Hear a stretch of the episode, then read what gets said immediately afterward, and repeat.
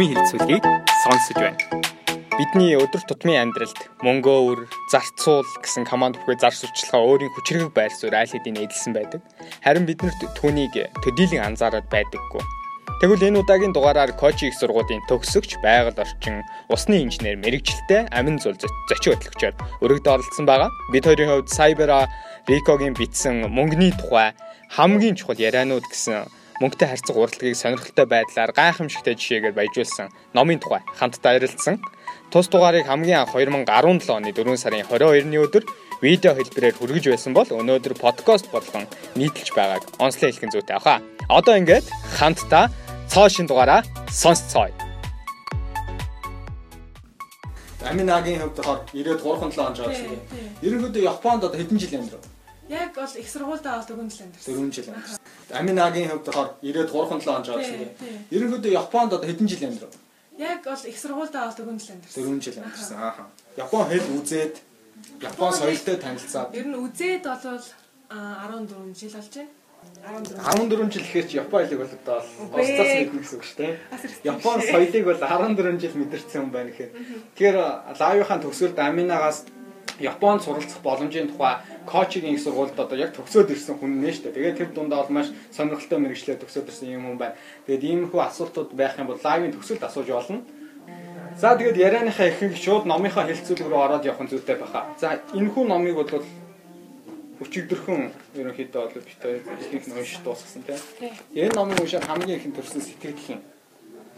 Ямар хамгийн яг уншаад дуусны дараа бол яг нэг санагдсан Угаасаа ингээд хүн чадахгүй юм даа ч гэсэндээ ингээд сэтгэлээсээ айгүй хандах юм бол амжилтанд хүрч чаддгаа гэдгийг харуулсан юм болоо. Ууг нь ингээд нэг харсан чинь надад айгүй сонир санагдахгүй?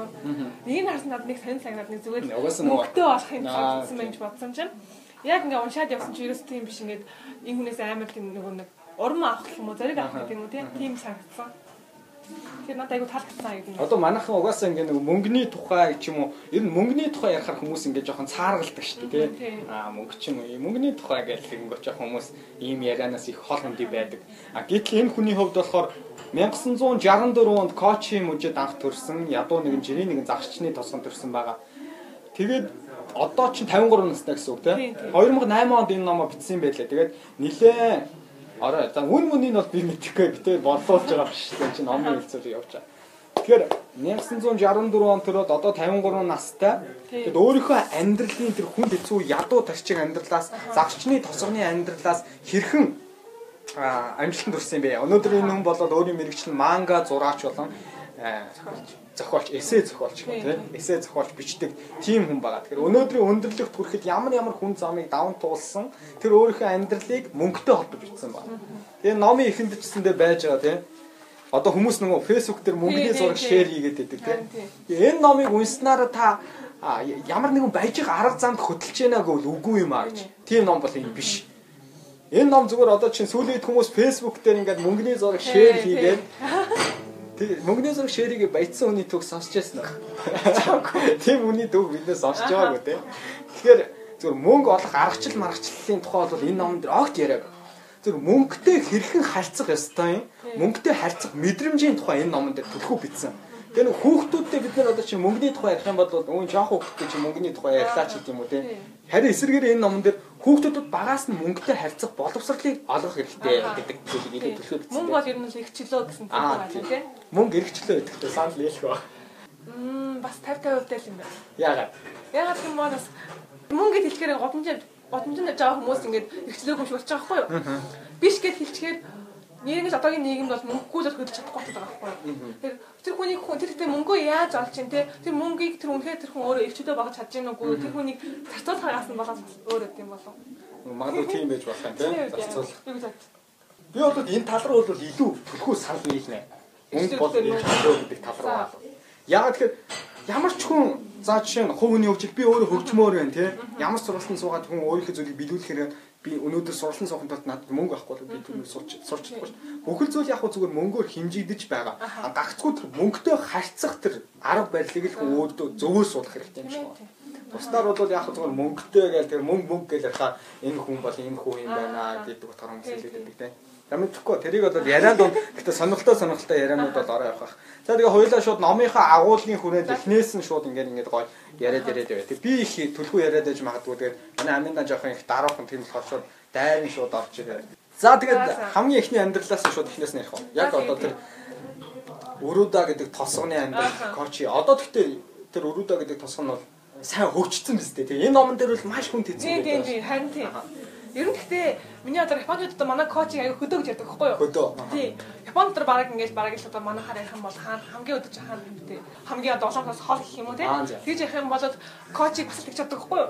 Тэгээд тэнгууд хөдөө гэхэр хүмүүс яг л ингээд монгол хүмүүс ялангуяа ингээд бүр ингээд ортас хөдөө шиг бодно шүү дээ те. Тийм биш. Зүгээр л яг хот шиг. Тэгэхээр ингээд хөдөө гих үнэн чинь ямар юм гээд ядуу гих үнэн чинь тэр хүнийх яг ямар агаас тагаад тэр бас өөр л болчихдаг баг. Тэгээд энэ номон дээр бол одоо манай коуч болохоор ерөөд одоо хөшөө хүмүүс ихтэй газар байхгүй юу? залуу хүмүүс бүгдээ нөгөө нэг Токио, Осакаар яваад гисэн. Тэгээд ерөөдөө залуу хүмүүсийн хомсдолтой гэх юм уу тийм хөө байдалтай байгаа. Тэгээд ер нь бол амар амар тайваа тийм шүү тийм хөшөө хүмүүс ихтэй болохоор. Тийм хөө газар. Тэгээд Японд ер нь гэхдээ угаасаа одоо одоо бол шүү дээ. Ядуу хүн хайгаа тайгаад нолохгүй шүү дээ. Ядуу хүн гэжлээ бүргийн оронгүй ингэж годомжинд гуйлах гуйгаад байдаг хүн бол хайгаад ч болохгүй.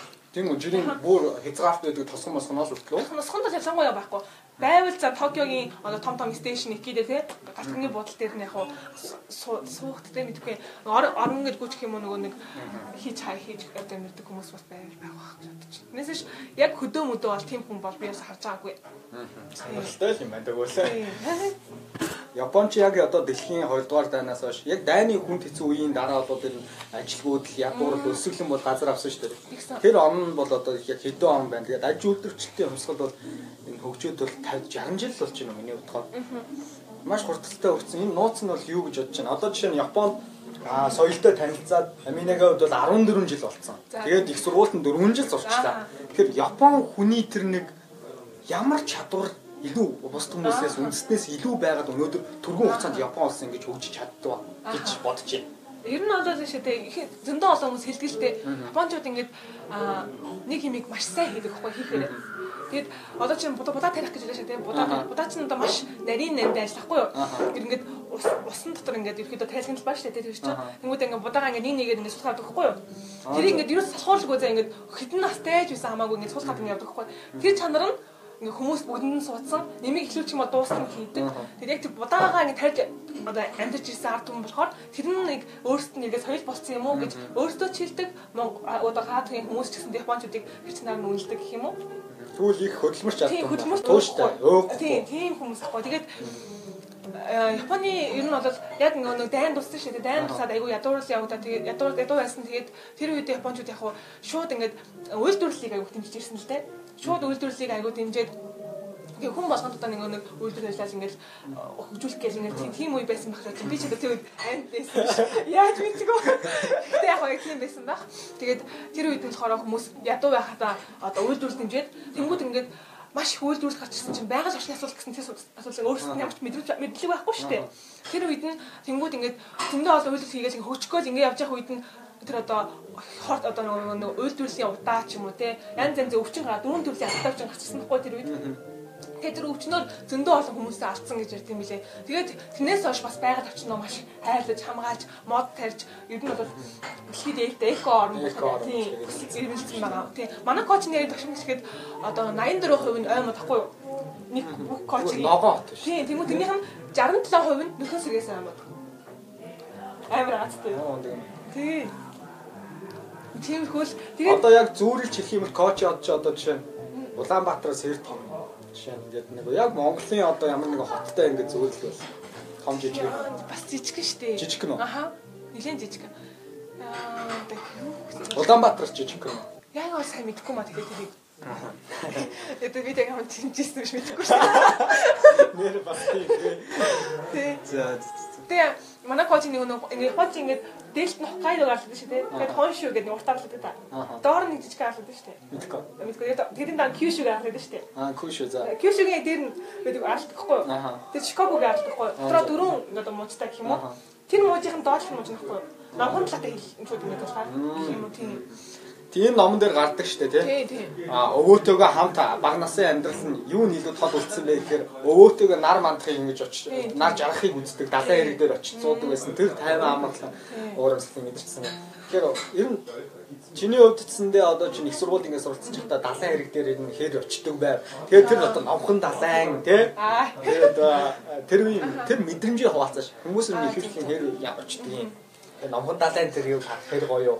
Тийм тийм ерөөсөө тийм нөгөө нэг загсны үйлдвэрлэх юм уу тий. Тийм тийм бол аягүй загсны ажиулт сайн. Загсны аягүй сайн болсон газар.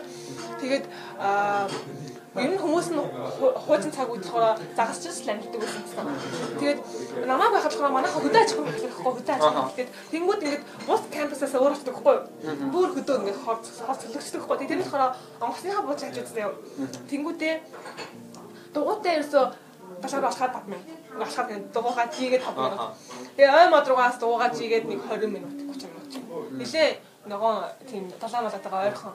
Гэтэ нэг бодлоо амар юу гараа. Яг тийм тэр чинь газрууд болол цунами ирлээ тэгээ шууд тэгээд Аа номхон талаатаа шууд орох юм байна. Тэр талаа ойлгох учраас. Тэгээ тэрнээс хараа 100 жил нэг удаа ирдэг тэмхүү одоо нөгөө нэг цунами. Тийм одоо байгалийн гавшиг. Байгалийн гавшиг тийм яг. Яг 100 жил 100 жил нэг удаа юу.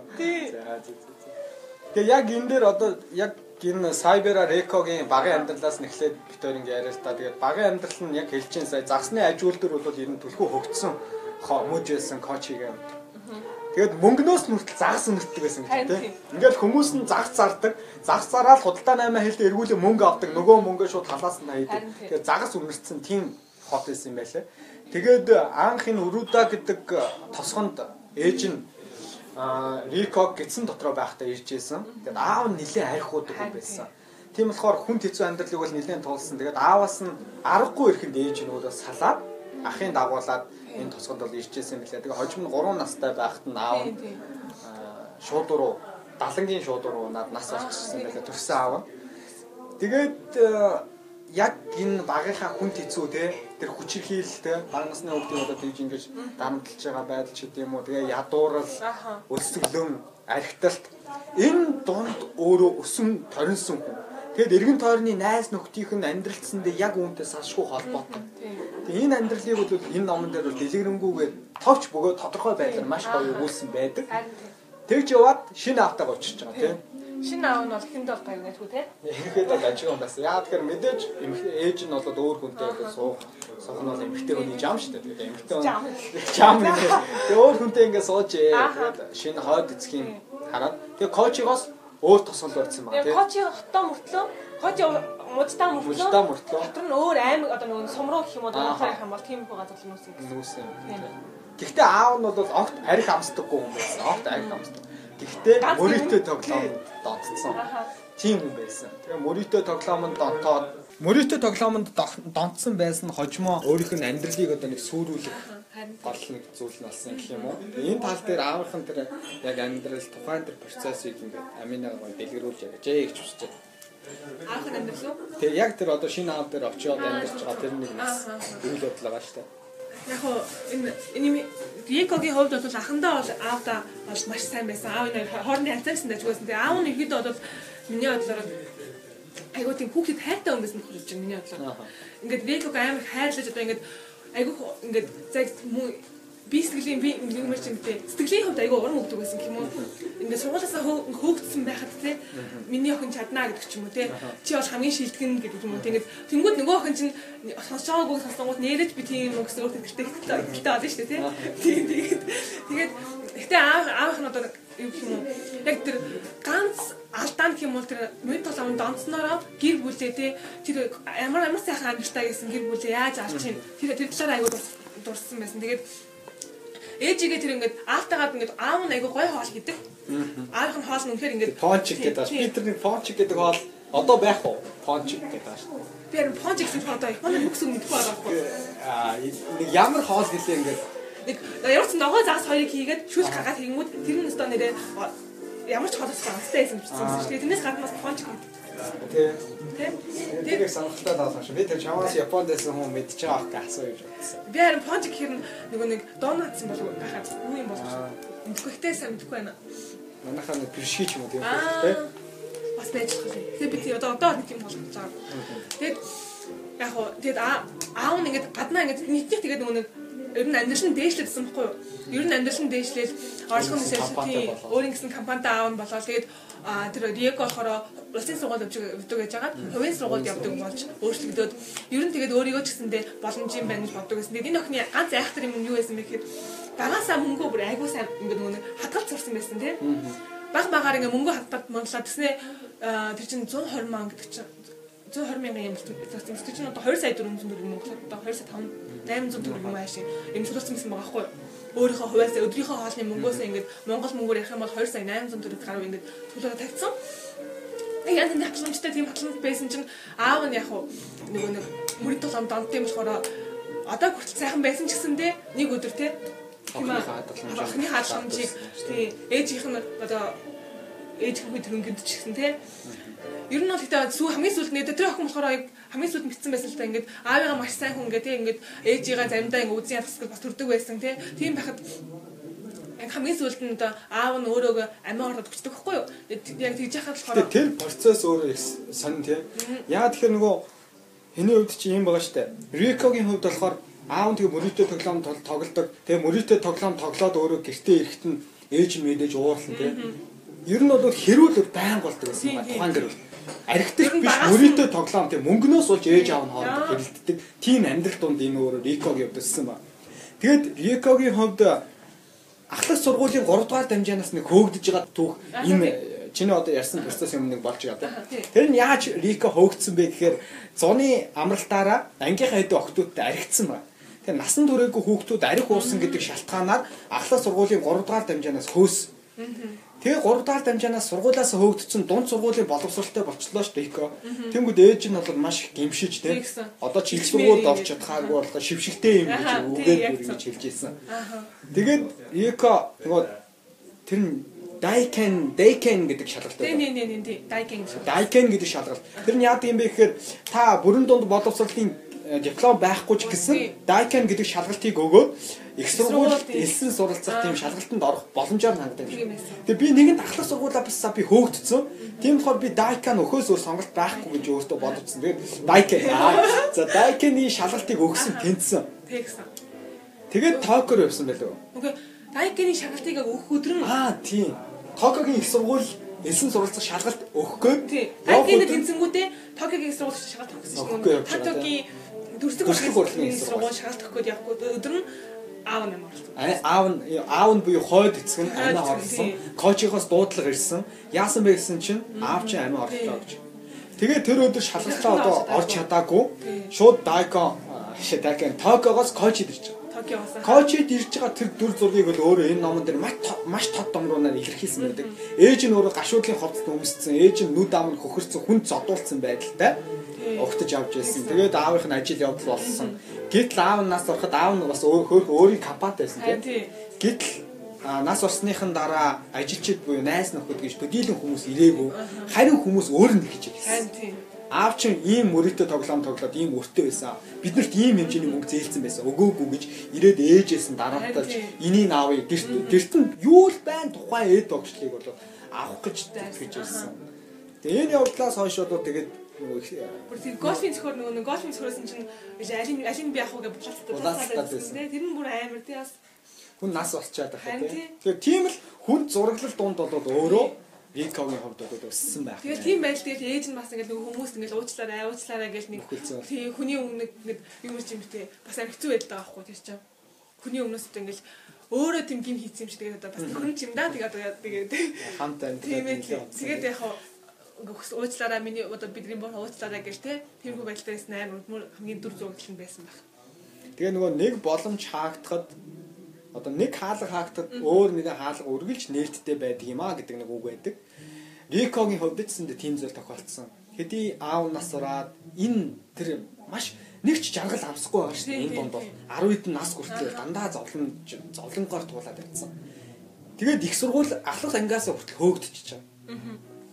Тэгэд энэ үед өөрөө нөгөө хаалга нээгдсэн гэдэг маань Токио руу явахаар шийдсэн. тэгсэн. Тэр их хүсэл эмгэлзэл. Тэр нь бол нэг хамгийн гол нөгөө нэг их сургуульд орч таг болохоор тэр чинь бас нөгөө нэг нэг жил одоо их сургууль бэлтгэж шаагалт юм дүүлээ. Сургуульд суусан шүү дээ тий. Тэгсэн бэлтгэж сургууль. Бэлтгэж сургуульд бас нэг жил суусан. Тэгээ тэр хугацаанд л ер нь дүрслэг урлагийн сургууль бэлтэж нэг жил сууж байхдаа өөрийгөө ер нь бол мэдэрсэн гэх юм уу тий. Өөрийгөө олж авсан гэх юм уу. Бас тэр хугацаанд байсан юм болов өөрийгөө нээх хугацаа. Яа, яг зөв. Болохоор ерөөсөө ээж нь байсан хамаг ий төрөнгөө хамаг мөнгө мөнгө өгөө явуул тийм. Тэнгүүд нөгөө охин чи одоо ээж нь өөрөө тэнд мөнгө үлдчихэж байгаа тий. Тэгээд тэмүүдэд бүх мөнгө өгөө явуулангууд нөгөө охин чинь хариуцж байгаа тийм улам мэдрээд тэр мөнгө нь өгч явуулсан гэд хамаг мөнгө гээд байгаа юм нь ерөөсөө л тэр охины байрны мөнгө сургалтын төлбөрөөр төлөөд тэгэл дууссан байхгүй. Тэмүүд үлдсэн мөнгөөр яасан бэ гэхээр нөгөө охин чинь өөрөө ажил хийгээд цагийн ажил хийгээд тэр мөнгөө олдог байсан. Тэгээд тэр охин болохоор ямар ч ажлыг голлоггүй хийдэг байсан. Одоо одоо ширээний эмэгтэй одоо цай эмэгтэй хүн эртөө одоо аягалж өгдөг ч юм уу тийм хүн ажил бас хийдэг байсан. Тэгээ ерөөсөө тэр охин бол яг тэр үедээ би ер нь яагаад би ер нь яагаад зураач болохыг хүссэн бэ гэж бодсон юм байна л та. Би тэгээ яагаад одоо хүртэл хүмүүс дэрвсэн чи гой зурдаг юм ингэж магтуулж үзээгүй сураагүй гэхээс тэгээд би ер нь гой зурдаг юм болов үгүй юм болов гэдгийг ч мэддэггүй байсан. За тэгээд мэддэггүй байжгаад нөгөө хөхсөг хөхт чинь өөрийгөө зурч гисэн чинь тэр одоо анги дотроос хамгийн сүлд бичсэн мэдэхгүй ингээд самбар дээр ингээд зурсан хүүхдийн нэрийг ингээд бичсэн байсан чинь хамгийн сүлд нэр нь бичсэн байсан. Тэгээд тэр охин болохоор тэрийг харангуутаа би хизээч ингээд сайн чадахгүй юм байна гэд сэтгэлээр бас миний жилийн хугацаанд тэдрээс ингээд илүү гарч чадахгүй юм байна. Зүнгүй зүгээр л бэлтгэл анги гэхэд би ийм сурж байгаа юм чинь яаж шиг гарах юм бэ гэсэн жоохон өөртөө урам угарч эхэлсэн. Тэгээ урам угарч эхлэнгүүтээ нөгөө хүн яасан бэ гэсэн чинь өөрөө ажлыг ямар ч юу гололгүй өөрийгөө сайжруулах хэрэг олж эхэлсэн. Тэг тэрийг өөрөө юу гэж хэлсэн бэ гэхээр өөрийнхөө бүр би угаасаа доод төвшний хүн юм байна гэдэгтэйг эвлэрсэн байгаа даа байхгүй. Эвлэрсэн би надад угаасаа зурх авьяас байхгүй юм байна. А гэхдээ өөрийнхөө бодит байдалтай эвлэрсэн цаг хугацаа гэж өөрөө үнийг нэрлээд байгаа. Энэ бол надад амар гүн туссан. Яг тэр би энэ дэр нэг өгүүлбэр итсэн байна. Тэр ямар нэгэн зүйл хийж эхлэх үед хэн бүхний мөрөгдөг хан бол өөрийнхөө жинхэнэ хүч чадлыг мэдэхгүй байх юм аа гэж. Тэгэхээр зарим хүмүүс нэг ингэж байдаг шүү. Би угаасаа чадах юм чинь ингээд өөрийнхөө чадлыг мэдэхгүй хийж үзээгүйж өөртөө айгүй бардам. Тэгтээ бол нөгөө өөдрөг үзэл байх хэрэгтэй гэдэг үгтэй хөтлөгдөд хит хийсвэн агаар дээр яваад байдаг. А гэтэл коучигийн хувьд Рекогийн хувьд болохоор гол давуу тал нь юу байсан бэ гэхээр өөрийнхөө бодит хүч чадлыг мэдэрсэн. Би угаасаа энэ Токиогийн хүүхдүүдэд өрсөлдөж чадахгүй юм байна. Энэ хүүхдүүд бол угаасаа уран зураг төслөг урлаг талтаас мэрэгчлийн хүүхдүүд байна гэж өөртөө эвлэрсэн. Харин эвлэрснийхээ дараа яасан бэ гэхээр би одоо тэгвэл хаана байх хэвээр. Миний орон зай өөр хаана байна. Түүнийг өөрөө эрж хайж эхэлсэн байгаа. Тэгээ хамгийн эхлээд өөрийнхөө зургийг нөгөө зураад юун дээр очиж байгаа шүү дээ. Нийт 50 гаруй тэгээ тэр чи юу гэх юм бэ? Манга одоо зургийн а нөгөө нэг одоо юм те цагийн ажиллахгүй ерөнхийдөө цагийн ажил. Тэгэхээр нөгөө нэг ном скул дээр байдаг тийм жижигхэн хэсэг хэсэгэн зургийг зурдаг ажил юм уу? Тиймэрхүү номын чимэглэл зургийг тиймэрхүү ажилд ингээд ярилцлаганд ороод өөрийгөө ер нь хаана явж байгаагаа мэдрэх гээд 50 гаруй юм байгууллагт те.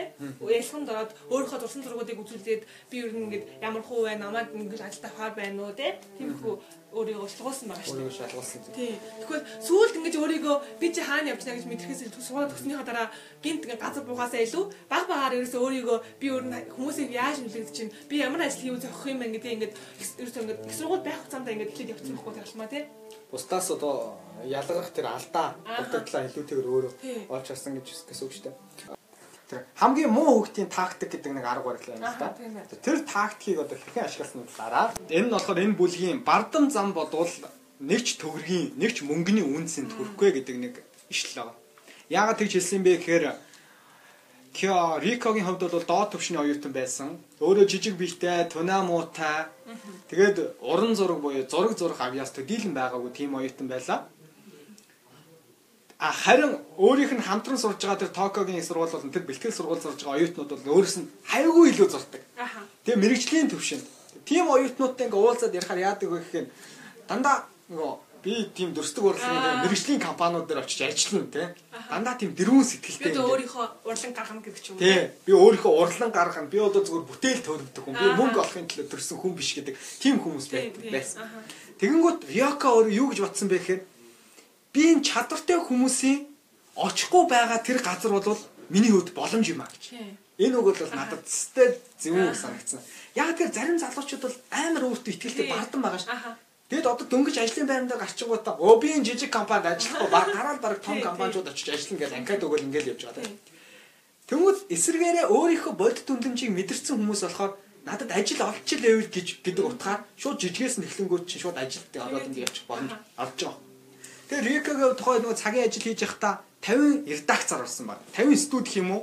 Зургийн. Тэгээд нийт бол 100 гаруй газруудаар яваад өөрийнхөө зургийг бариад явдаг гэсэн. Нөгөө зурсан зураг.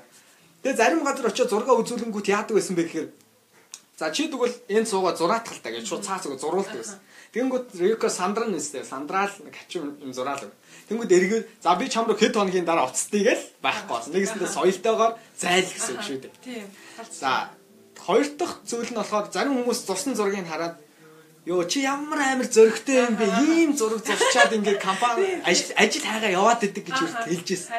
Тэгэхээр тэр чинь нэгсэнд бол доромжилж байгаас ялгаа авахгүй шүү дээ. Ийм гахалтай тэр зурсан зургийн өстө чи өстө ичмээр юм барьчаад ажилд авахгүй яваадах ингээд рекорд хэлжсэн.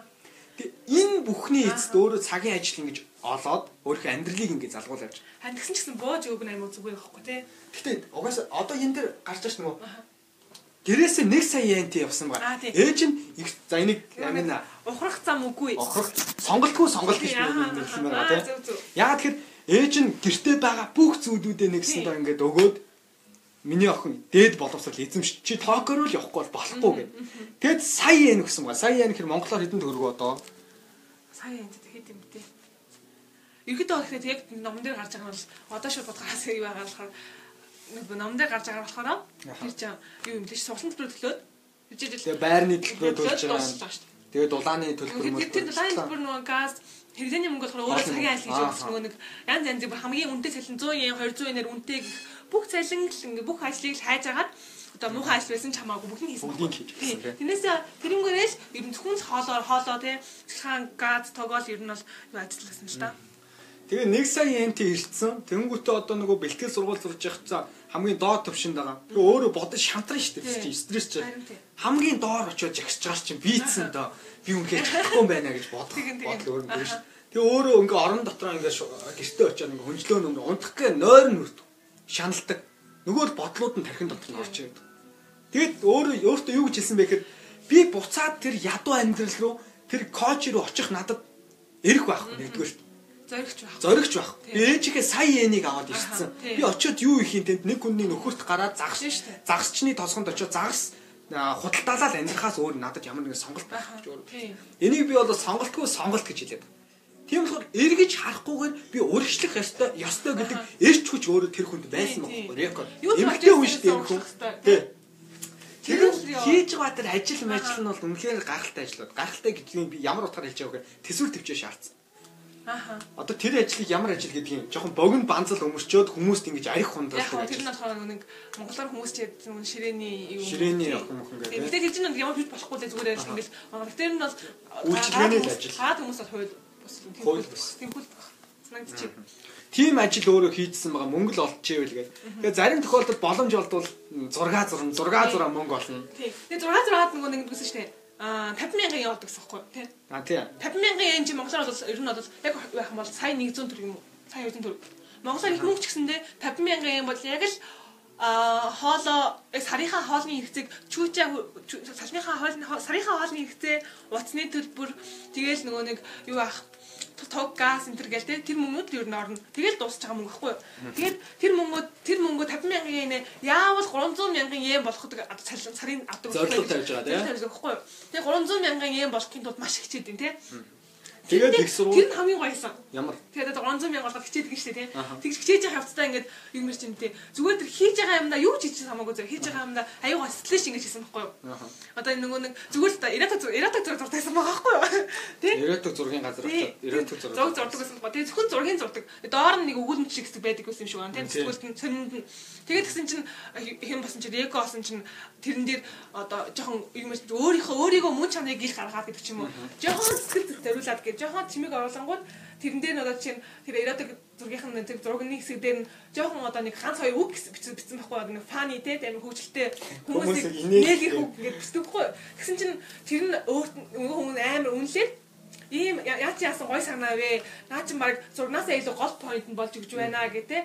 Тэгээд ерөөхдөө иймэрхүү байдлаар ингээд бүх юмд ингээд стрессээ хандаад ирсэн чинь 300 мянган олдог гэхгүй. Тэ? Их сургуулийн 3 дугаар дамжаад 24 наснда өөрийнхөө зорилготой хүрсэн гэсэн. Сарын орлого нь нэгсэндээ 300 мянган йен болсон. Тэр мөнгө нь бол зөвхөн 6 зураад олох хэмжээ. Тийм, яг зөв. Тэр хамгийн одоо харагцаа ингээд юу ч хийсэн ингээд одоо халтуурдах юм уу хатах биш зүгээр л ингээд тэр хүнийг ингээд сэтгэл зүрхнээсээ хийх юм бол тэр нь сэтгэл нь шингээд тэр хэмжээний одоо хүсэж байгаа юм бий болж гарч ирдэм болов гэж бодсон шүү дээ. Тэгээд энэ номон дээр хэлсэн маш одоо чи шаналж гин үү те? Одоо чи зовж гин үү? Одоо чамд үнэхээр хэцүү байна уу? Ядуу тарчиг чи амьдарч гин үү? Тэгвэл эргээд харахад энэ бүх чиний байгаа байдал чинь чиний давуу тал болох боломжтой шүү гэдгийг хэлсэн ба. Тэгээ энэ дээр нөгөө ядуурлын гинжийг таслах хэрэгтэй гэж хэлээд байгаа тийм. Ядуурлын гинжийг таслах хэрэгтэй гэдэг байгаа яхаа тэр хүнд амьдралаас ядуу хүнээс бол одоо жишээ өөр хүүхэд ингээд төрөөд ингээд явах юм бол тэр ядуурлын гинжид хэн нэг нь таслахгүй бол болохгүй гэдэг санааг бол юм өөр илэрхийлсэн. Ямар ном бэ гэж энэ ном Рико гэвэл Сайбара Рико гэдэг Япон зохиолчийн манга зураач байгаа. Тэгээд энэ хүн өөрийнхөө амьдрал дээрээс ядуу тарчиг хүнд амьдралаас хэрхэн өөрөө даван туулсан бэ гэдэг өөрийнхөө амьдралыг буулгасан маш гайхалтай ном байгаа. Энэ нэг Цөөхөн уцаа тий? Цөөхөн уцаа. 2 цаг л уншина. 2 цаг. Гэхдээ энэ номыг цөөхөн уцтай гэж чамлж болохгүй шүү. Зүгээр энэ ном бол таны ширээний ном байх юм ном. Нэр шигэж биш, хуудас шигэж биш. Хуудас шигэж биш. Ерөөсө зүгээр авах нь аягүй. Агуулгын тасархаа яагаад гэхээр угаасаа нэг ийм хүнд хэцүү бэрх амьдралыг туулсан хүмүүсийн яриад унших бол өөрөө байдаг шүү дээ. За тэгээд их сургуулийн дамжаанаас ингээ 300 мянган йен болдог амьдрал нь бас арай гайгүй дээшлээд шүү дээ. Тэгээ манга зураг зурдаг компанид өөр ажилд орчлоо. За тэгж явж байгаад бүх зүйл сайхан боллоо гэж Рико бодож ирсэн. Одоо л би нөгөө хүнд хэцүү амьдралаас би ингээд хүнд хэцүү амьдралаас би ингээд даван туулаа гарлаа гэж бодсон. Тэгсэн чи ямар санал тавьсан бэ гэхээр Рико юу зураач гэдэг санал тавьсан. Даалуу А даалууны нөгөө нэг манга зураач. Даалууны тухай тийм даалуу тоглож байгаа тэр хүмүүсийн тухай ч юм уу манга зураг зурах санал тавьсан. Мэдээж Викогийн хувьд бол дуртай хүлээж авсан. Мэдээж болно шүү дээ. Би хийгээд үзье гэдэг. Тэгээд нөгөө даалгаврын тухай ямар нэгэн ойлголт мэдэхгүй, тэр мөрийтэй тоглоомын тухай ойлголт мэдэхгүй. За аав нь бол өөрөө мөрийтэй тоглоом тоглодог байсан. Тэнгүүд Вико би тэгвэл яг даалгавар тоглодог хүмүүсийн дунд нь ороод амьдралын яг юу болтыг та гэж бодоод өөрийнхөө нөгөө 300 мянган йен сардаа олдог гэсэн нөгөө мөнгөөрөө шууд мөрийтэй тоглоом тоглож ирсэн. Тэгээ нөгөө эрчүүдтэй 20 итгэн настай залуухан охин суугаа тоглоно шүү дээ. Тэгэхээр хамгийн гол нь өөрийнхөө мөнгөөр төлөв. Өөрийнхөө мөнгөөр төлсөн очтой тий. Нөгөө яагаад гэхээр одоо компанийнхаа тэр одоо номыг ном бичээч гэсэн тэр гаргаж өгсөн санал гаргаж өгсөн тэр газрынхаа мөнгөөр тоглох юм бол за энэ миний мөнгө биш юм чи ингээд өөрийн зэк алдахгүй алдаг алдаг гэдэг нэг сэтгэлээсээ хамдахгүй байх гэсэндээ өөрийн мөнгөөрөө тоглож өөрөө алдаж өөрөө онож явахыг айгу гэсэн тий. Тэр нь өөрөө сонирхолтой. Тэгэд өөрөө мэдэрч байгаа шүү. Би одоо чинь тэдэн мянган ингээл йен тавиал тухайн өдөр би ингээ алдчихж байгаа бол өөрөө мэдэрч байгаа шүү. Түүнд хамгийн аимшигтай нь юу вэ гэхээр Рико зүгээр манга зураг зурах гэдэг мөрөйтэй тоглоомд орсон юм 10 жил бүхэлдээ 10 жил мөрөйтэй тоглоомд донцсон баг. Тэгэд 10 жил тоглох явцдаа Рикогийн 50 сая йен. Нэг байр нэг байрны үн байшингийн үн бүгд бүтэн байшин авах болцооны тийм 50 сая йенийг өөрөө мөрийтэй төглөөнд алдсан байгаа байхгүй Рико 10 жилийн хугацаанд. Тэгээд тэгээд мөрийтэй тоглоомноос яг гэхдээ эргүүлээд ингээд нөгөө мөрийтэй тоглоом надад юу өгсөн бэ гэж харахаар надад ялагдаж сурах тэр арга барилыг надад өгсөн юм а гэж. Би альва зүйлийг сурахын тулд сургалтын төлбөрт мөнгө өгөөд өнөөдөр сурч байгаа мэдхий. Тэгвэл би мөрийтэй тоглох тоглоом тоглохдоо би мөнгө бооцоо тавьж дээ. А тэгингээд тэр маань өөр миний сургалтын төлбөр байсан юм а гэж. Би ялагдлыг сурж байгаа байхгүй тэр дундаас би хожигчоо мөнгөө алдчаад тэндээс гараа явахдаа би инээмсэглэх ёстой гэдэг арга барилыг сурч. Уура барьц мэгсэн тас сурч. Тэр уурлах чи ихэд бол хууль бус л хууль бус юм биш үү? Уурлах чи ихэд бол болохгүй юм уу? Чи одоо тэгж алдсан ч онсон ч ер нь тэгэл инээж байгаа хүн нь л ер нь бол хожиж байгаа ялагч. Тэр хүн ингээд өөрөө ялагч гэдэг тэнд ингээд мэдрүүл чадж байгаа маа. Мөнгө аваагүй ч гэсэндээ тэгж өөрийгөө илэрхийлж байгаа. Тэгээ ингээд мөрөд толон тулаад нөгөө алдсан мөнгөө тэр онд шагналж гэсэндээ 3 өдрийн дараагаас таг мартчихдаг гэсэн тий. Тий. Бүр тэгээ нөгөө гэртээ пяав аваад яг мөрөйтэй тоглоом тоглох өдрөө хөрөгчөндөө ингээд пяад үргэжтэй. Тэнгүүтээ скана хүртэл хөрдөгчөндөө үргэжтэй. Яг тэгэхээр өнөөдөр би магадгүй бүх мөнгө алдчихад ирнэ. Тийм болохоос сэтгэлээ яаж тайвшруулах вэ гэдэг хөрөгчөн дотор байгаа пяава ууж тайвширдаг байсан. Тэгээ бүх юм бүр бэлдсэн. Ягдахтаа бэлдсэн. Ягдахтаа бэлдсэн. Тийм амьдралыг туулсан байгаа. Тэгэхээр чи нэг байрны мөнгөөр тоглож гэдэг чинь хайрын байна. За тэр мөнгө нь яах вэ? 10 жил бүхэл бүтэн мөрийтэй тоглоом байсан. Тэгэд яагаад 10 жил явчаад энэ хүн мөрийтэй тоглоом дуусаад ингээд алга болчихоогүй юм бэ гэдэг маа нөгөө сар болгон 300 мянган йен агаад орлоготой орлого тасалдахгүй байгаа болохоор нөгөө мөнгөөр тоглоо л агаад байгаа гэсэн байна. Гол орчин. За тэгээд 10 жил мөрийтэй тоглоомоос салгаж чадсан ганц хүн хинбэ гэх юм бол мэдээж хайр дурлалаа. Хайр дурлал бол хамгийн өчтэй. Тийм болохоор нөхөртөөгөө таарсан. Нөхрийнх нь нэр нь болохоор Камаши даа. Зурагч камера зурагч байсан. Гайны зураг авдаг. Гайны тийм зураг чинь юм. Сонир мэрэгчлээ ба шүү. Тэгээд гэсэн чи бас яасан. Дээр тэгтээ бас тоглосон ба тий. Нөхөртөөгөө уулзчингуудаа а мөрөйтэй тоглоомоос нэгсэнд хөндөрч байгаа шүү. Тэгээ нөхөр нь ганцхан үг хэлсэн байт юм бэлээ тэр удаа. Юу гэж хэлсэн бэ гэхээр мөрөйтэй тоглоомоос илүү дайны талбар бол хамгийн том мөрийн юм шүү гэж. Тэр хүн өөрөө амиад тэнд дэнчин тавьж байгаа. Үхэл амьдралын зааг дээр тэр хүн байгаамаа гэдэг ганцхан үг эког мөрийтэй тоглоомоос салгаж чадах хэмжээнд аваач чадсан юм а. Тэр нь онцлог. За тэгээ нөхөртөөгөө учирч байгаа мөрийтэй тоглоомоос нэгсэндээ татгалцсан. Гэтэл дараа нь дахиад нэг манга зургийн санал ирсэн. Тэр нь бол FX буюу foreign exchange гэж байгаа. Нэгсэндээ валютын зөрөөн дээрээс, валютын хэлбэлцэл дээрээс мөнгө олдог.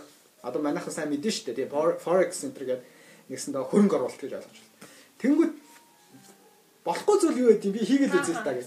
Тэгэхэд бол дахиад нөгөөтгөө дунд нь тоглох хэрэг гарнаа. 10 сая йенийг тавиад хөрөнгө оруулалт хийгээд компьютер дээр өдөрч нөгөө дэлгэц ширтдэг ажил хийсэн. Нөгөө валютын мөнгө хэрхэн хэлбэлцэж जैन те үздэг. Гэтэл тухайн үед 2008 он 2007 он Америкийн нэгдсэн улсад эдийн засгийн хямрал авсан. Аа Lehman Brothers гэдэг үнэт заасны компани өөрөө дампуурсан. Америкийн эдийн засаг өөрөө хэлбэлцээд ирэнгүүт дэлхийн эдийн засаг тэр чигтээ хямарч эхэлж байгаа. Тэгээ тийм хямралын үед өөрөө хөрөнгө оруулсан байхгүй мэдхгүй 10 сая йенийг. Гэтэл нүд ирэмхийн зор 10 сая йен алга болсон. Тэгээ нөгөө 50 сая йенийг мөрөөдтэй тоглоонд алдчихаа дахиад 10 сая йенийг золиослж чадчихаа. Гэхдээ түүндээ бол харамсаагүй.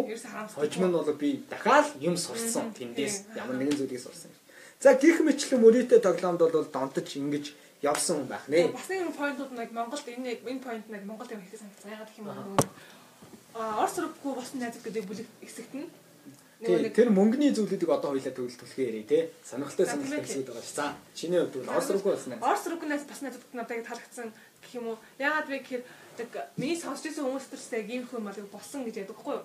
Ингээд би ад тохиолж байгаагүй л те миний найзын найз ч юм уу те.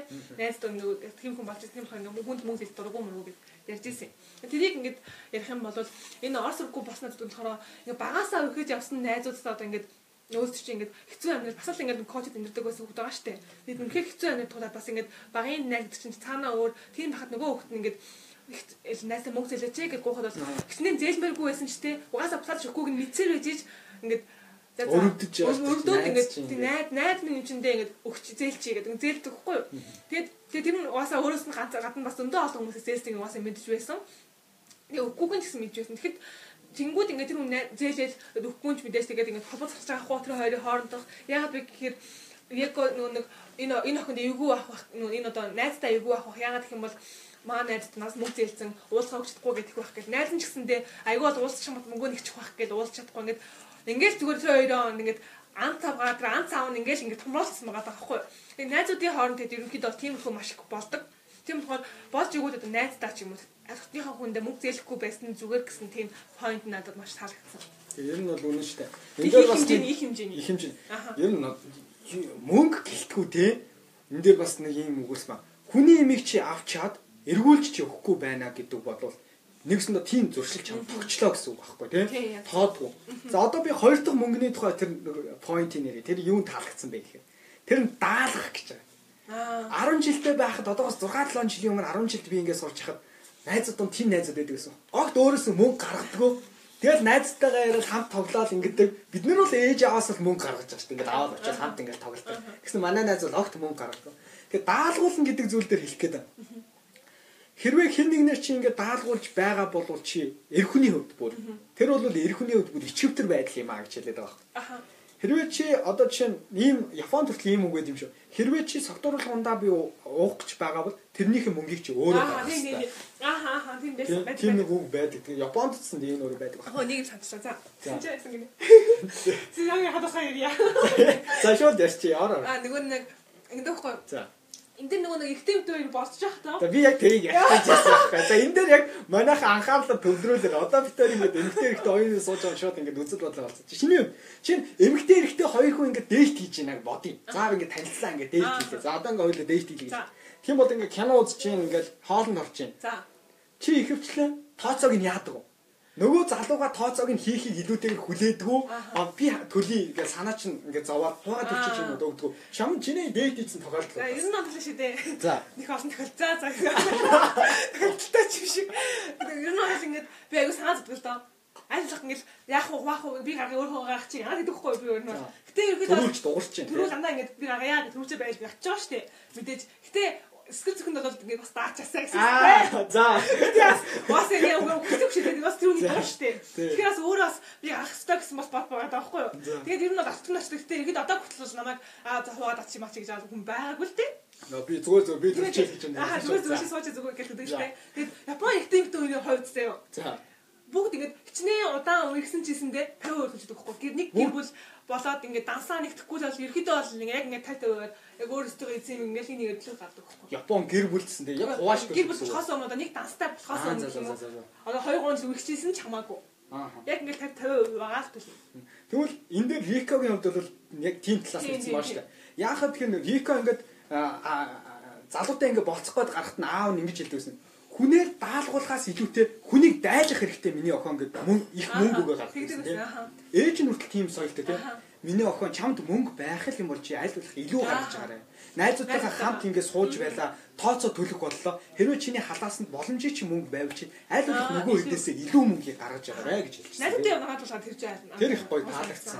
Яг тэр надад мөнгө байгаа л. Тэгвэл чи тэр эрэгтэй хүмүүсийн талаар эрэгтэйгээс нэг үчтэй байна. Дээд хийхин хувьд бол Викогийн хувьд гэсэн дээ тийм байгаа сте. Хэрвээ чи одоо чинь ингээд дээд хийчингүүд нөгөө хүний ингээд тооцоо хийхийг хүлээгээд өөрөө төрүүлж дуурахгүй ингээд энэ хүн хийх ёстой юм шиг гэдэг байдлаар хандж байгаа бол нэг талаас Рико энэ номд тэр хүнийг нэгдүгээр хүндлэхгүй байна. Жохон басамжилж чинь тийм дүр зураг нэгдүгээр харж байгаа. А би юу гэж хэлдэг вэ гэхээр ийм байна. Угаасаа эрэгтэй хүнсэндээ жохон нөгөө эр хүнийхээ ээдэг гэх юм уу те нэг джентльмен зан гарах гэдэг дээ. Тэгэхээр одоо чи ингээд лид хийж ягаад ч юм уу ингээд тооцоо хийх болсон тохиолдолд нөгөө охин ингээд тооцоо ингээд оо яах яах гэдэг ч юм уу. Ихэнх эрчүүд л ихэд тэгдэг. Зарим нь болохоор ингээд нааг джентльмен байх боломж юм нь олголтоо ч гэдэг юм уу те. Тэгэд ингээд жоохон джентльмен юм шиг загнаад ингээд тооцоог нь хийх тохиолдол байдаг. Гэтэ би сүүлд нэг хүний яриан дээрээс нэг зүйлийг анзаарсан. Тэр ихтэй их сонирхолтой. Яа тэгэхээр одоо сүүлийн үеийн эрчүүд яаж юм гэхээр нөгөө бүсгүйгээ тооцоогоо хувааж төлөх нь үгүй юу анзаарч харж гин гинэ. За Тэр нь яаж байгаа юм гэхээр жоохон муу санаалж байгаа байхгүй. Одоо тооцоо ингэж ичлээ тий ямар нэгэн тооцоо ичлээ. Тэнгүүд өө за нөгөө охиныг төрүүлж дуурах хэвлээд хоёул хуваажтлахгүй тооцоо нэг гарсан байна. Би хэдий өгөх үү гэдэг нөгөө охин ингээл төрүүлж явахаа л ингэ. Тэнгүүд нөгөө залуу юу гэж бодож байгаа юм гэхээр нөгөө залуу зөв төлчин л дөө мөнгө нь байгаа. Гэхдээ тэр бүсгүй нэгдүгээр харж байгаа байхгүй. Тий. Бийцэндээ бол бас ингэж хэрвээ дейт хийх боломж олтол нэг талаа. Одоогийн талаас амар яг талчжээ. Туршиж явчихжээ. Туршиж үзнэ. Яг тэр хүнийг мөнгөнд хэр ханддсан байна. Тэмдээс бүх зүйл харагдаж байна. Мөнгөнд хэр ханддсан байна. Хэр намайг хүндэлж байна. Хоёрдугаар энэ хүн юу байна вэ? Би даасан байна уу гэдэг байдал гарч байгаа. Хэр би даасан байна вэ гэж. Тийм зүйлүүдийг харах л ахalta. Тэгэнгүүт тэр ярьж байгаа залуугийн үед юу гэж бодсон бэ гэсэн чинь анх одоо гэр бүл болсон. Нөгөө охинтой ингэсэн чинь нөгөө охин гоо гоо би хувааж төлье гэдгсэн гинэ. Үгүй би тооцоогоо хувааж төлөх чи чамар төлөхгүй хэд болсон тэт тэт шууд ингэ тооцоогоо нөгөө бүсэд төлсөн. Тэнгүүт нөгөө залуу амар гой сэтгэл төрсөн гинэ. Ямар юу юм бэ? Амар тийм тооцоотой одоо би даасан тий. Тийм шийдэмгий байдал. Тэгээд нэгсэнд таалагдаад Тэгээд цаашаа ингээд дээд игээд игээд ингээд ингээд яваа. Тэгээд дараа дараа нь бүр гэр бүр болсон хоноо ч юм уу үерсэн хоноо бол тэр залуу бүхнээ зориулна шүү дээ угаасаа. Тэр бүсгүүд. Тэгээд залуучуудын хувьд бол сүүлийн жоох юм болж байгаа юм. Яа тэгэхээр авч тэр хүнийг гэргийгээ болох найз хүн болохоос өмнө тэр хүнийг нэг ч турч юм. Тэгээд та нар ихний шатанда яаж хадаад харгыг сорчлаа. Юм тийм би тэр хүний найз хүн болгоцсон тохиолдолд бол бид тэр бүхнээ л зориулна шүү дээ. Болохоос өмнө бол Миний бодлоор миний бодлоор найз найз минь болчих юм бол шээ тийм. Ер нь бол заавал хинэн гартан хамаагүй болчихдог байхгүй юу? Тийм шүү дээ. Аль мөнгөс гарч ирсэн чинь. Тийм болохоор энэ бол найз охин болоод бүхний зориулна гэж хоёулаа би биндээ бүхний зориулах юм тэр бол хамаагүй байх гэж бодож байгаа байхгүй юу? Заавал уучлаарай би бороо ирсэн. За.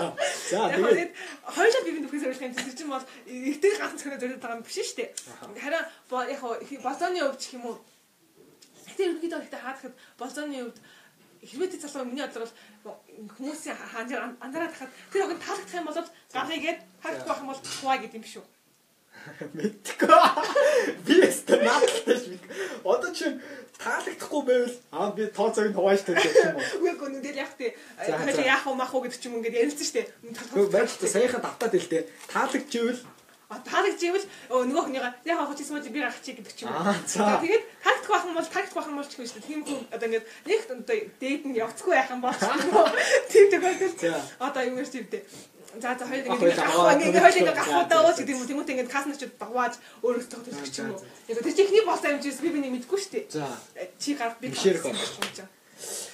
За за за сонирхолтой л юм. Тэгээд бид нэр яагаад энэ сэдв рүү ингэ орчоо гэхээр энэ номын төгсгөл байдаг байхгүй юу? Яг мөнгөтэй дээр харьцаж байгаа хэсэг. Тийм болохоор би энэ дээрээс дөрөөлөд нэг зүйлийг хэлэх гээд байгаа. Аа энийг ингэ зарчиж байна. Яагаад энэ сэдвийг ингэж хүндсэн бэ гэхээр энэ номын зохиолчдсанд хэлсэн байдаг. Хин нэгний сэтгэл хэн нэгний мөнгөнд найдаж амьдрна гэдэг бол чи өөрийнхөө ирээдүйн зорилго алхмаа үгүй хийж байгаатай яг ижил гэж. Энэ үг бол надад таалагдсан. Яг тэгэхээр мэдгүй л дээ одоо би зүгээр энэ зохиолчийн сүүлийн үед ихэнх бүсгүүчүүд нэлээд гайгүй сарын орлоготой өөрийн гэсэн амьдралаа бий болгоцсон босгоцсон тий? Тийм амьдрал дээр илүү гэрийн эзэгтэй болоод үнсгэлчин болоод амьдрахыг хүсэж байна гэж. Юм ч ямар ч эмэгтэй хүн үнсгэлжингийн амьдралаар амьдрахыг хүсдэг шүү дээ. Гэхдээ яг үнсгэлжингийн амьдралаар гэдэг маань сайн сайхан амьдрал те өөрийнхөө тийм хүмүүрэлтэй тийм амьдралаар амьдрах хүсдэг гэдэг нэг зүйлийг энэ номон дээр бичсэн байсан. Тэгэхээр эмэгтэй хүний хувьд бол би даасан байхыг бол би л илүү үздэг. Яг тэр би даасан шийдэмгий өөрөө тэр хүн бүхэл бүтэн энэ амьдрал танд ингэ заягдсан байж тээ тийм. Ингээд бүхэл нийт энэ амьдрал. Тэгээ энэ амьдралын хүн өөрийнхөө хүсэл мөрөөдөл ингээд бүтээх гэж амьдрнуу гэхээс өөр хин нэгний мөнгөнд найдаад өөр хин нэгний сэтгэл зүрх өөр хин нэгний босгосон амьдралтай найдаж амьдрын гэдэг чинь утгагүй зүйл. Миний хувьд. Би өөрийгөө өөрөө тэр болохоор хэтэлтэй. Тэний жаач мастер байна. Гэтэ одоо ингээд ингэдэг байхгүй яг үнсгэлжингийн амьдрал гэж яг сонирм байгаа байхгүй юу? Тэр чинь өөрөө тэгж өөрөө үнсгэлжингийн амьдрал гэдгийг яаж ойлгож байгаа юм? Өөг би саяхан нэг бичлэг үзсэн байхгүй юу? Нэг хадатын пэйж байсан юм а. Тэрэн дээр болохоор хэрвээ үнсгэлжин эргэтэй гэж үзэж байгаа байхгүй юу? За. Хэрвээ үнсгэлжин эргэтэй Синдрелла биш Синдерпелла байсан болж байгаа байхгүй юу? Нэг эргэтэй эргэтэй үнсгэлжин байгаа юм зэ. Тэгээд ингээд ирэх хаалт хийгээл чинь хойд хоёр ихч тэгээд хойд аав хоёр нэгэл дээр тэгэл нэг өдөрчөж явахгүй гэл эргэтэй хөхтөн зэ явахгүй. Ингээд уус тастав. Тэгээд нөгөө чинь ингээд эргэтэй хөхт үлгэн зөөлөөс ирдэг байхгүй юу? Гэсэн чинь шидэд шидэд өө гарч ирэл зэ мэ гэх шилэн шилэн бутик гэдэг лөө. Бутик өмсгөөд шилэн илээ лаг костюм бижаг гэсэн. Ордоно явахдаггүй тэгэл тэнцэнэ нөгөө нэг гүнжтэй тааралдал гүнжтэйгээ хамт ингээл бүжиглээл зөө. 12 цаг болоо яана гэсэн чинь шилэн бутик өвлийг явуулахгүй юу лачаа. Тэгээд тэгэж тэгэж явангуудаа нөөцлөө чинь шилэн ботингийн барьж энэ ботинг яг таасан эртөө үнийг одоо хайж ийна гэсэн тийм бодог байхгүй. Тэгээд тэр залууг хайгаад ингээ өргөдөг болсон. Эртөө өсгөж юм шүү. За за. Тэн дээр стоп гэдэг байхгүй байл гэснээр одоо та одоо үнхээр юм хүсэж гин үү те хэрвээ эртөө хүн ийм байсан бол ханаа төхлөм ширх үү эртөө хүнд эртөө хүмүүс зориулсан одоо ийм үлгэр байх юм бол ханаа үзэх үү те гэж ингэсэн баггүй тэгээ бодохоор нэр тийм баг одоо ингээд бүхэл ингээд эмгтэй одоо хүүхдийн одоо Диснейгийн өгүүлбэр юм янз бүрийн хүүхдийн юмуд гэхэд андаа ямар нэгэн жижигхэн хулган ч юм уу янз бүрийн жижигхэн одоо хин нэгний тусламж гэдэг байхгүй эмгтэй хүмүүсийн амжилтанд дандаа хин нэгний тусламж хин нэгний оролцоо байж тэр хүн амжилтанд байгаа байхгүй ерөөсө тэр хүн өөрөөсөө ингэж амжилтанд хүрсэн түүх ингээ байдгүй гэд нөгөө нэг мундаг мундаг эмгтэй хүмүүсийн зохиолоор ингээ нэг хоёр эмгтэй Европ юм уу та? Нэг ном гаргацсан. За Тэгэхээр энэ ийм хүн номуудыг хүүхэд уншиж өгөө, хүүхэд уншиж өгөө гэсэн юм аахгүй. Бас нэг би нэг Ленин гэдэг ном байдаг шүү дээ. Аа өөдөө тийм үү. Тийм өөдөө тэрийг уншиж байхад бас тэгсэн юмсан байхгүй.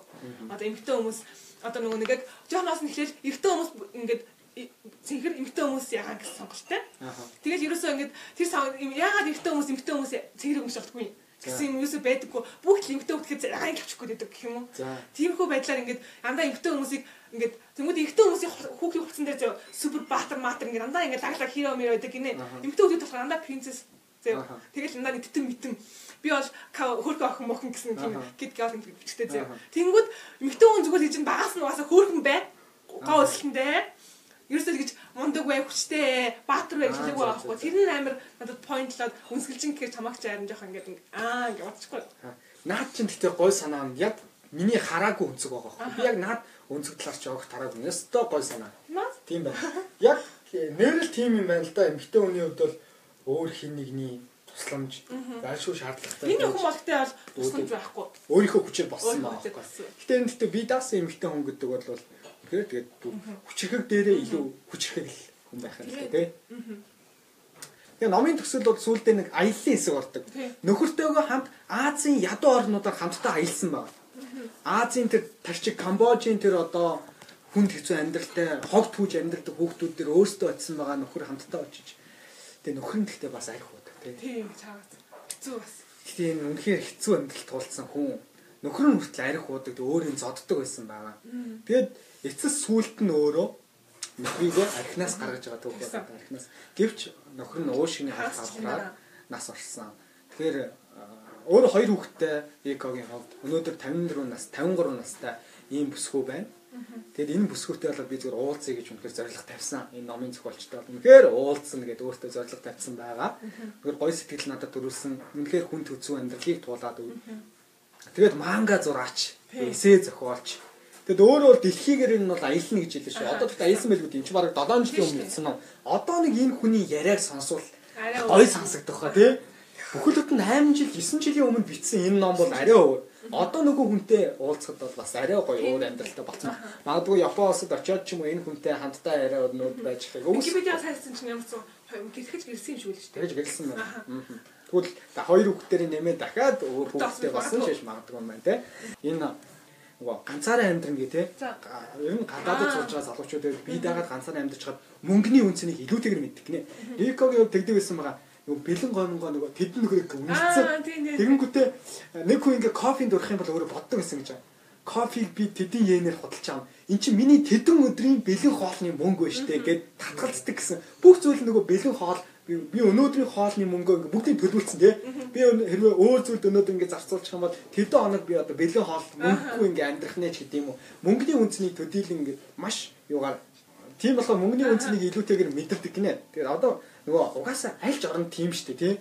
Одоо чи манай гадаадд сурч байгаа найзууд бол тэгдэг байхгүй. Зарим нь нөгөө Америкт бол одоо 7 хоногийн 20 цаг ажиллах боломжтой хангаччихсан. Өглөө хичээл сургуультай явна. Зарим өдөр нь 20 цаг ажиллах хэвээр ажиллана. Зарим сургуулийн төлбөр авахын тулд хууль бус ажил хийж байгаа. Тэгэхээр нөгөө мөнгөний үнцнийг бүр ингээ голтоо мэдэрдэг юм шиг аа.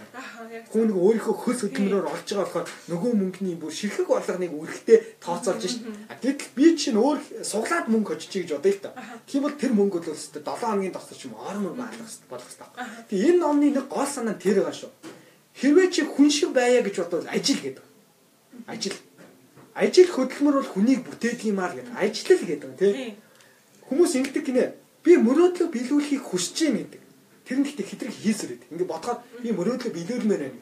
Харин түүний оронд би үүгээр хэрхэн мөнгө хийх боломжтой вэ гэж бодгож байна. Тэгхийн бол нөгөө айж майжмаар таны мөрөөдөл ингээ бодит байдлаар биелээд эхлэх юм байна. Би яг энэ олж авсан чадвараараа яаж мөнгө олох хэвтэй вэ гэж өөртөө итгүүл бод зүгээр нэг хийсвэр бодоод би ийм мөрөөдөж байна. Би тийм хүн болно гэх. Тэгэх биш. Маргааш би ийм чадвар ашиглаа яаж мөнгө олох вэ? Тэгж бодоод ирэх юм бол хүн арай бодит байдлаар хардаг гэж байлаа шүү. За тэгээд асуултуудаа үргэлжлүүлье. Тийм тийм тийм. Энд нэмжлэх зүйл юу вэ? Яг хоо энэ дээрс нэрхсэн мэсэж нөгөө нэг амьдрах нь ажиллах юм аа, ажиллах нь амьдрах юм л нэг тийм үү. Номын сүүлийн энэ дээр бичсэн байх. Мөнгөнд гэр бүлийг ширүүн салхинаас хамгаалж чадах тийм хүч байдаг юм шүү хэрэг болсон үед эрхэм нандин хэн нэгнээ сэтгэл амар газар байлгамаар байна. Тэгж бодож ил байвал ажил хийгээрэй. Ажлаад мөнгө олоорой. Тэгээд бас хүчтэй болоорой. Тэр л том хүн болсныг чинь илтгэх болно гэж. Тэгээд хүн хүн байхад болохгүй тул ажилтдаг юм шүү. Энэ нэг зүгээр хүн энэ гэхдээ угаасаа тийм шүү. Би ингээд ухаантай царайлаа тий. Одоо ингээд би номынхоо лайвыг хамгийн эхлээд хийж хахад өө энэ өстө ямар сайхан ярьдаг залуу. Монголын залуучууд одоо ингээд нэг сайхан ярьдаг л болчихъя гэж аим шүмжилдэг гэсэн байхгүй. Тэгээ нэр бас нэг талаараа үнэн л дээ. Яг тэгэхээр хөдөлмөрлөх хэрэгтэй гэдгийг би амар зүйл ухаарч. Сүүлд бачаа. Ойлгож байна. Энэ чиний ингээ яхаа юу ч гэсэндээ ер нь бол хөдөлмөр шүү дээ. За. Ингээс баг баяр чинь хөдөлмөр тий. Миний хувьд гэхдээ мэрэгчлэр ажилтдаг шүү. Тайна ингээ яриад байдаг шүү. Би ч барилгын инженер мэрэгчлэр ажилтдаг юм шүү. Өнөөдрийн лайвын зочноор оролцсон Аминада маш их баярлаа гэд энэхүү номыг бэлэг болгон дурсгая. Баярлалаа. За баярлалаа. Энэ гэхдээ бол өөртөө угаасаа байх хэрэгтэй юм байна тийм ширээний. Надад бол хоёрхан ширхэг байгаа. Тэгээ би нэг нь бол өөртөө үлдээ, нэг нь бол зочиндоо ингээ бэлгэллээ. Чиний тань авчи тий. Яах юм надад гарсан яа. Тэгж бас болно тий. 24 дахь удаагийн номын хэлцүүлгээр орж байна гэж гоё үгчээд. Өнөөдрийн онлайн номын хэлцүүлгээр бол энэ ном явсан байгаа. Cyber Rico-гийн мөнгөний тухай хамгийн чухал яриа байна. Тэгээ 24 дахь удаагийн дугаараар Амина оролцлоо. Маш их баяртай байна. За за за ингээд зочныхоо сүүлчийнхээ сүүлч юу гинэ. Биш тэгвэл өнөөдрийн лайвыг ингээд цаг гаргаад үзсэн энэ бүх залуучуудад зориулаад гоё гэлээ тэгээд зориулаад лайв дуусгав. А би одоо тэгвэл ингээд өгөөд ийм л асуудал. Япон улсад юм суралцах хугацаанд одоо жишээ нэг тийм бэрхшээл шантрах зүйл гарсан маш. Тэр гой шантарсан зүйлээ би тэр зүйлийг хэрхэн даван туулсан байгаа яриа тэгээ цааш тийм гой Монголдо хийж бүтэх гэсэн зорилготойгоо холбоод яриагаад за за Тэгээ би нөгөө нэг өөр зүйлч ярьсан байсан байна. Би нөгөө нэг ерөөдөө би скот бишэл бишэл гэж бод бишэл бишэл гэж болдгоо юм болов эсвэл бол надад гэр бишэл тогтоод гэж болж байгаагүй бол мэдлгүй байхгүй. Ингээд ерөөсөө одоо хүртлээс яг ингээд над бишэл гарч ирж исэн юм гэхээр ингээд яг ингээд хэлчих бишэл байдгүй байхгүй. Бүгд л ингээд би энэ сквад ингээд би хийх ёстой. Харах өнцгөр ингээд байгаад нөө сквад бүнхээр ингээд аж аргалтай ингээд бишэлгүй яваад байгаагаа ойлгохгүй нь өөрөө. Энийг олох л хийсэн нэгэн цагт. Гэтэ яг энэ удаа сүүлийн удаа ингээд сүүлийн удаа гинэ. Нэг нэг үг хэлэхэд болохоор би бас нөгөө нэг сайн яг юм дээр нэг юм дээр бас нэг үг хэлгээд байхгүй кохай нартаа ингээд доотлохоо үеийн хүмүүсд нэг зориулаад нэг үг хэлчих гэх. Тэгэхээр бодох мэдэх үг байдаггүй. Тэгээд нийтэс байхаа хайж агаад хамгийн талх зүгээ битсэн бохоо тэн дээр Тэр үг одоо одоо сайн бодогддог л да ягаад гэх юм бол тэр үг нь болохоор ингээд ерөөсөө зөв шийдвэр гэж байдаггүй. Чи тэр шийдвэрийг зөв болгож болдог. Буруу болгож болдог. Тэгээ буруу болгосон ч гэсэндээ тэр бол чи тэрнээс суралцж байгаа учраас тэр бол буруу шийдвэр биш юм аа. Ерөөсөө юм шийдвэр төлөө зөв буруу гэж ерөөсөө байдаггүй. Чи тэрийг зөв болгоно уу? Яа нь чи чиний дур гэж байгаа байхгүй. Тэр надад аюу таалагдсан. Мухаммед Али Жиннах гэдэг нэртэй хүнийх юмсан. Тэр нь болохоор Пакистаны үүсгэн байгуулагч тийм эдийн засгч хүн байсан. Тэр хүний үг надад маш таалагдсан. Тэгээ яг тэр шиг хүмүүс ингээд бити ингээд юм юм шийдвэр гаргахтаа эргэлзээрээ ямар нэгэн шийдвэр гаргах бол те аль нэг ингээд зүгээр л өөрийнхөө хүсэж байгааг аль нэг сонгоод тэрийг зөв байлгаарай те тэрэндээ сэтгэл хангалуун байгаарай л гэж хэлье. За баярлалаа. Өнөөдрийн лайвтай хамтаасан бүх найзуудаа маш их баярлалаа. Тэгээд одоо минийгээ хэлдгээр алдж гэнэ гэвэл алдж гэнэ гэж өөрийгөө битгий бодорой. Харин алдж байгаа бол би нэг удаа суралцлаа да би суралцж байна да гэж бодорой гэдэг үгээр битэр лайв өндөрлөе. Хамтаасан залуустаа маш их баярлалаа. Хамтдаа сайхан өнгөрөөгөө. Харин миний урилгыг авсан маш их баярлалаа. Магадгүй дараа 7 хоногт байх юм бол Аминагаа өрөөд битээр өөр гой номоор ярьж болохоор шүү дээ. Манай Аминаа сонсох зүйл бол маш их байгаа. Яг гадаадд сурсан бол үгүй өөрөлдөө яг гадаадд сураад ирсэн юм чи сонсох зүйл бол маш их байгаа байх гэж бодож бай. Баялаа. Сайхан амсаарай. Тууштай байж энэ хүртэл хамтдаа байсан сонсогч танд маш их баярлалаа. Хэрвээ энэ удаагийн дугаар өөрөөсөө ямар нэгэн асуулт асуухад тань хүргэсэн бол Цэхэдэн гэр бүлийн гишүүн та юу хийхээ маш сайн мэдж байгаа. Цэхэдэн подкастын хамт олонд өөрийн талархсан үн цэнтэй сэтгэлээ хэрхэн яаж ирүүлэх вэ гэхээр яг энэ хүү подкастыг скриншот хийгээд өөрийн Instagram story дээрээ миний хаяг болох таймна цэг Б гэсэн хаягийг меншн хийж сэтгэлдээ давхар ирүүлэх боломжтой байгаа. Тэгэхээр бид бүхэнд үргэлж урам зориг гайхалтай эрч хүчийг хайрлаж яадаг сонсогч та бүхэнд маш их баярлалаа. Энэ удаагийн дугаарынхаа төгсгөл нэгэн гайхалтай үгээр төгсөхийг хүсэж байна. Хэн нэгний сэтгэлд хэн нэгний мөнгөнд найдаж амьдрын гэдэг бол өөрийнхөө ирээдүйн зорилго алхмаа үгүй хийж байгаа та яг ижилхэн гэсэн энэ үгийг би та бүхэнд хэлхийг хүсэж байна. Ингээ дараа дараагийнхаа дугаараар дахин уулзлаа. Түр баяртай.